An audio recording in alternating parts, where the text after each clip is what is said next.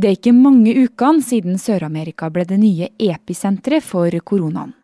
Men likevel så begynner Brasil å åpne opp. Surfere ut i bølgene igjen, og på markeder går folk tett i tett med munnbind. Det mens koronasmitten og dødstallene i landet stiger. That we'll, we will face, I don't know, a tragedy, a catastrophe, I don't know. Presidenten trekker på skuldrene og kaller det hele en liten forkjølelse. Det her er forklart fra Aftenposten, og jeg er Marit Eriksdatter Gjelland. Det er mandag 15. juni.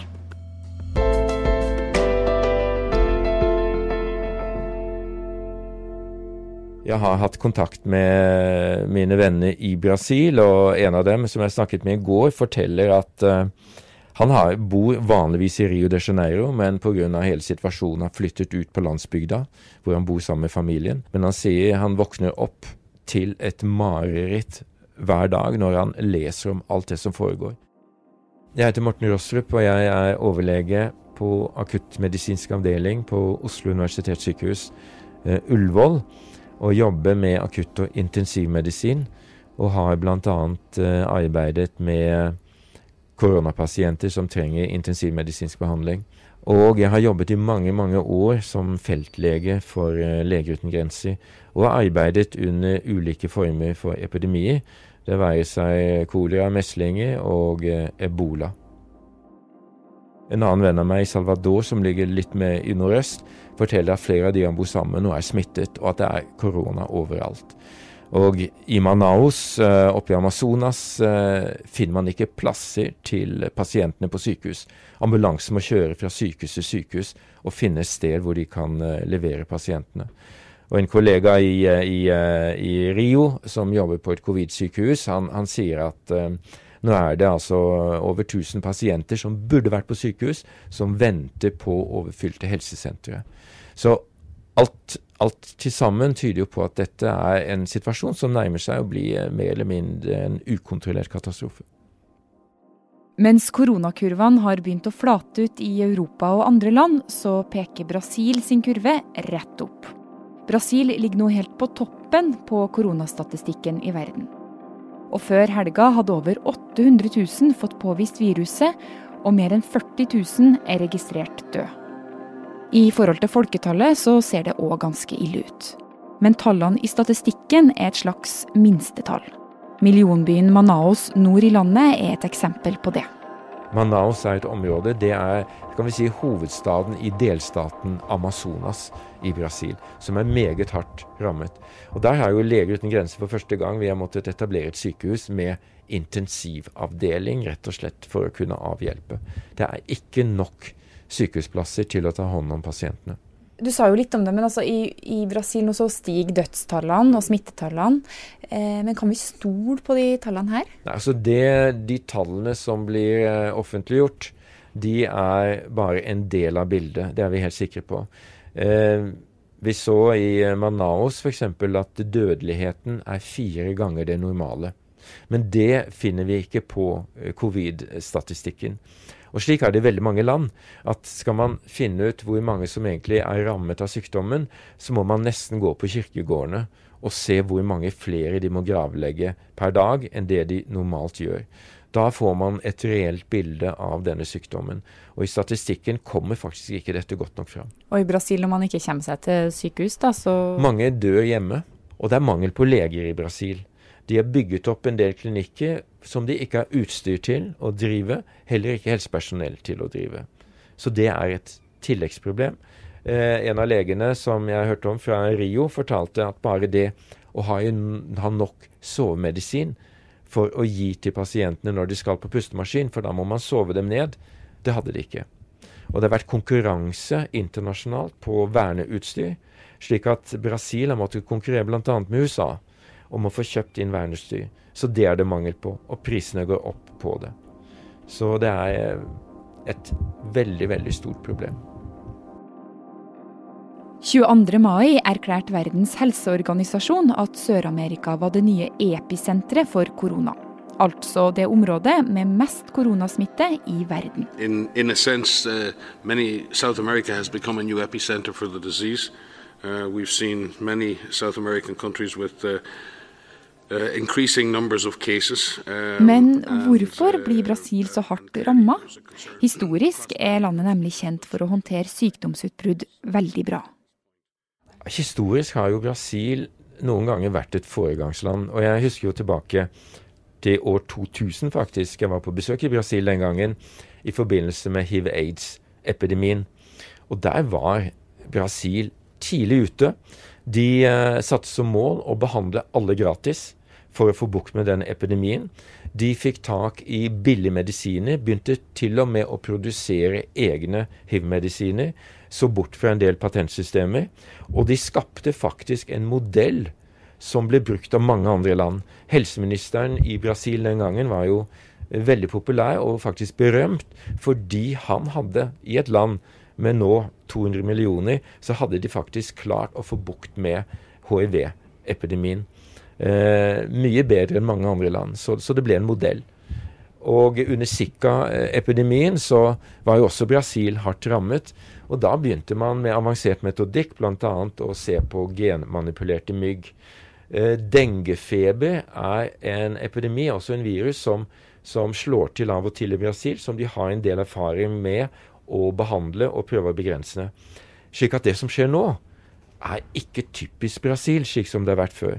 Nå er det jo en fullstendig eh, feilpolitikk som er blitt ført, eh, og som fører nå til den veldig tragiske situasjonen vi ser.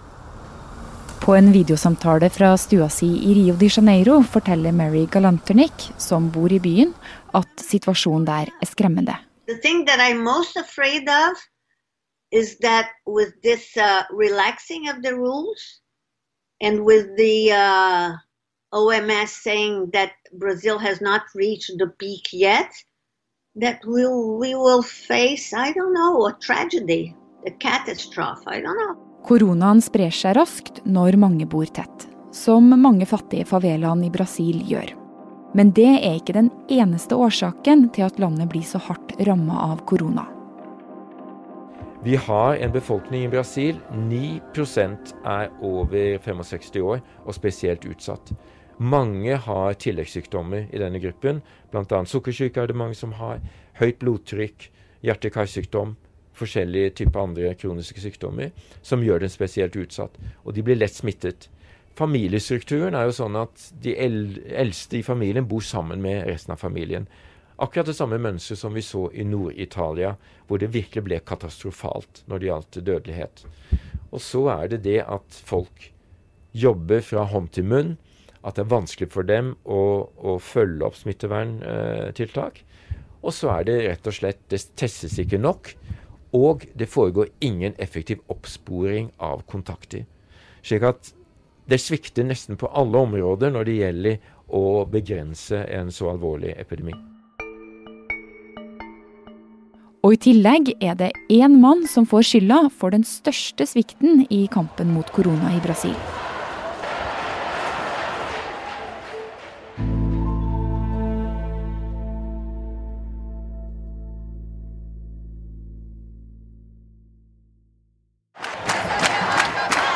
Demonstranter med svarte klær og munnbind i Rio de Janeiro. De er lei av landets president Jair Bolsonaro. Like i nærheten står et folkehav uten masker og kledd i det grønne, gule og blå Brasil-flagget. De demonstrerer for presidenten i landet og mot smitteverntiltak.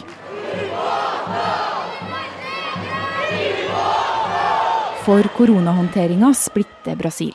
Uenigheten handler om hva som skal prioriteres, økonomien eller smittevernet. To helseministre har blitt bytta ut, og Helsedepartementet blir nå leda av folk fra militæret. For Bolsonaro er helt klar på hva han mener om pandemien som herjer landet. Han har vel egentlig eh, bevisst ikke håndtert den. Han har fornektet helt fra begynnelsen av at dette var en stor fare. Han mener det er en konspirasjon. Benedicte Bull er professor i statsvitenskap ved Universitetet i Oslo, og Latin-Amerika er spesialfeltet hennes. Og han mener at eh, det viktigste er å sørge for at Brasils økonomi ikke tar mer skade av denne pandemien enn det den har gjort. Han har utfordret alle som har forsøkt å sette i gang tiltak, for Brasil er jo en føderalstat.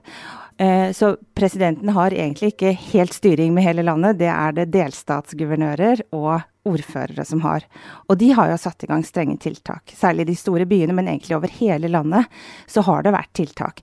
Men da har Bolsonaro altså gått på TV, sagt at uh, dette gjør de for å undergrave uh, Brasils økonomi, og dette er egentlig politiske strategier. De har egne politiske ambisjoner, og det er det som ligger bak deres tiltak. Men viktig, hvem er Bolsonaro? Bolsonaro er jo en eh, figur som har egentlig vært til stede i brasiliansk politikk lenge. Han var i utgangspunktet militær, men han gjorde ikke noen stor militær karriere. Han ble kanskje mest kjent for at han prøvde å å eh, prøvde seg på et attentat mot et militærkvarter for å protestere mot lave lønninger. Så satt han 20 år i Kongressen, men gjorde egentlig ingenting annet enn å forsøke å øke militærets prestisje og deres lønninger, og komme med sånne utsagn som var så langt ute at folk på en måte bare så på han som en litt sånn tulling. Så han var både en politisk outsider i og med at han gikk hardt løs på kvinners rettigheter, minoriteters rettigheter, på en måte som, som ikke engang i Brasil er spesielt eh, Altså blir sett på som noe man gjør. Men i 2018 så vant han likevel valget i landet. I Brasil tar høyrepopulisten Jair Bolsonaro over makten ved nyttår. Særlig høyt utdanna menn i byene stemte på han, de var lei av politikerne i landet, skeptisk til demokratiet og konservativ som Bolsonaro. Og siden da så har du sikkert hørt navnet hans minst én gang. Avskogingen i Amazonas har økt med 30% det siste året. Brasils president Jair Bolsonaro får skylda for utviklingen. Den eh, nye presidenten i Brasil signerte før helga ei lovendring som skal gjøre det enklere å skaffe seg et privat håndvåpen. De sosiale mediene Twitter, Facebook og Instagram sletter innlegg fra Brasils president Jair Bolsonaro. De mener presidenten driver med desinformasjon, sier vår reporter i Brasil, Arnt Stefansen. Og nå i det siste har vi kunnet se presidenten demonstrere mot strenge smitteverntiltak. Som mange av velgerne sine, så er Bolsonaro mer bekymra for økonomien i landet enn koronaen. Og for litt over ei uke siden så åpna barer, kjøpesentre og restauranter i flere deler av Brasil etter klarsignal fra presidenten. Er det mulig å komme seg ut fra både en helsekrise og en økonomisk krise i god behold?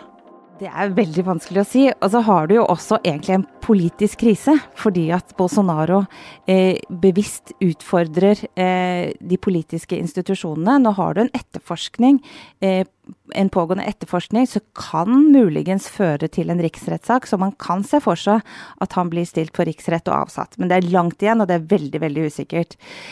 Eh, for å komme seg ut av den økonomiske krisa, så tenker jeg at man er nødt for å komme til en slags politisk enighet. Sette i gang sterkere tiltakspakker. Og eh, på en måte samarbeide og unngå at presidenten motarbeider både helsesystem og egentlig veldig mange andre, andre deler av statsapparatet. Men hva tenker folk om Bolsonaro sin håndtering, eh, både med det at han er imot strenge smitteverntiltak, men da tydeligvis er, er for eh, en gjenåpning pga. økonomien.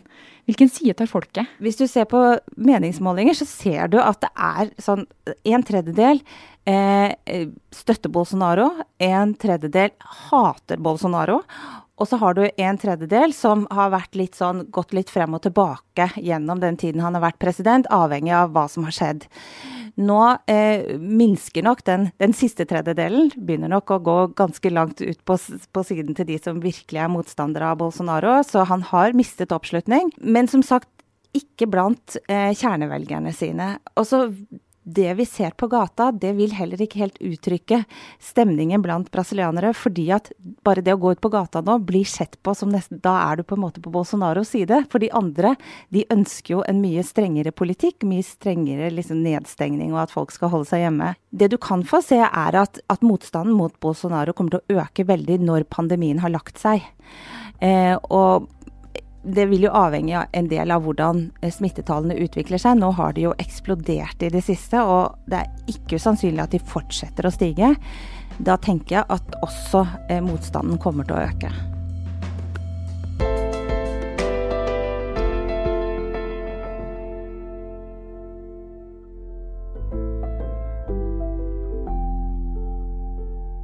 Forklart lages av Caroline Fossland, Fride Næss Nonstad, Anne Lindholm, Andreas Bakkefoss og meg, Marit Eriksdatter Gjelland. I denne episoden har du hørt lyd fra Verdens helseorganisasjon, nyhetsbyrået AP og NRK.